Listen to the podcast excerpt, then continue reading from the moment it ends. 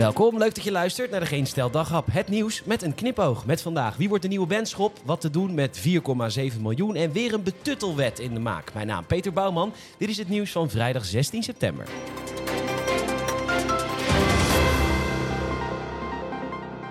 Wie wordt de opvolger van Dick Benschop en dus de nieuwe president-directeur van Schiphol? Een hondenbaan natuurlijk. Maar goed, voor 450.000 euro per jaar is een beetje negatieve publiciteit zo vergeten. Volgens Iteke de Jong, zij is luchtvaartjournalist bij de Telegraaf en wij zijn groot fan van Iteke, moet er iemand met een operationeel profiel worden gevonden. Iemand met de poten in de modder, wat logisch is, want zelfs de directeur van Schiphol moet af en toe wel eens wat bagage versjouwen. En natuurlijk is de geruchtenmolen ook al op gang en komen de eerste potentiële kandidaten binnen, zoals voormalig ProRail-baas Pier Eringa. Wat fantastisch zou zijn voor Schiphol, want dat vluchten op tijd vertrekken is al lang geen vereiste meer.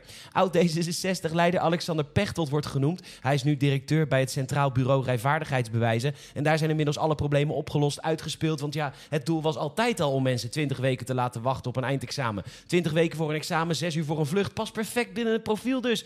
Tot slot wordt genoemd Herder Verhagen van PostNL als het gaat om. Nou, die is.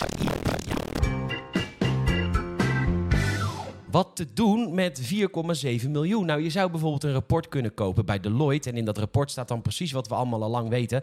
Het ministerie van Volksgezondheid, Welzijn en Sport boeide het helemaal geen fluit. Of Siewert van Linden en zijn companen winst zouden maken bij de mondkapjesdeal of niet. VWS wilde alleen goede sier maken bij het volk, omdat er een enorme druk was vanuit het volk dat VWS gewoon zijn werk zou doen. Waarom Siewert en zijn companen hebben lopen roeptoeteren dat ze geen winst zouden maken, blijft het grootste mysterie van alles. Want dat hadden ze van VWS helemaal niet hoeven zeggen. En het zou, denk ik, de meerderheid van de bevolking ook aan de reet hebben geroest. Ja, supermarkten maakten woekerwinsten, COVID-testbedrijven, vaccinboeren. Ja, hè, hè. Wellicht is het Siewert zijn christelijke achtergrond en wilde hij goede sier maken bij God of zoiets. Zo Siewert, eindelijk ben.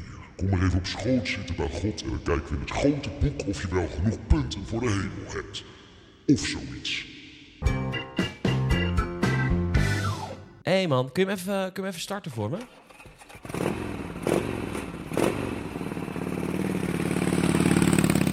Later.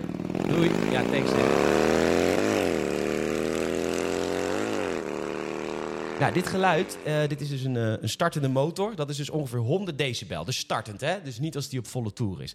En dat is het maximale volume van muziek in de kroegen... als het aan de vereniging van keel, neus, oorheelkunde ligt. En deze totale betuttelende bovengrens gaat nog in wetgeving gegoten worden ook. En dan weet je het wel weer. De boa's kunnen dan weer lekker de kroeg in met zo'n metertje... om dan alle gezelligheid uit de kroegen te zuigen.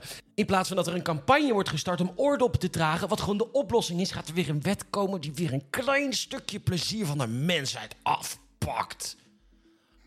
Afpakt. Ik vind die soundboard wel echt veel te leuk. Maar goed. Wie ben ik? Bedankt voor het luisteren. Je zou ons enorm helpen als je een vriend of vriendin of familielid vertelt over deze podcast mond-tot-mond reclame. En geef ons even die rating. En we staan er supergoed voor, maar kan altijd weten. Dat kan in Spotify en in Apple Podcasts. Nogmaals, bedankt voor het luisteren. Morgen ben ik er niet. Tot zondag.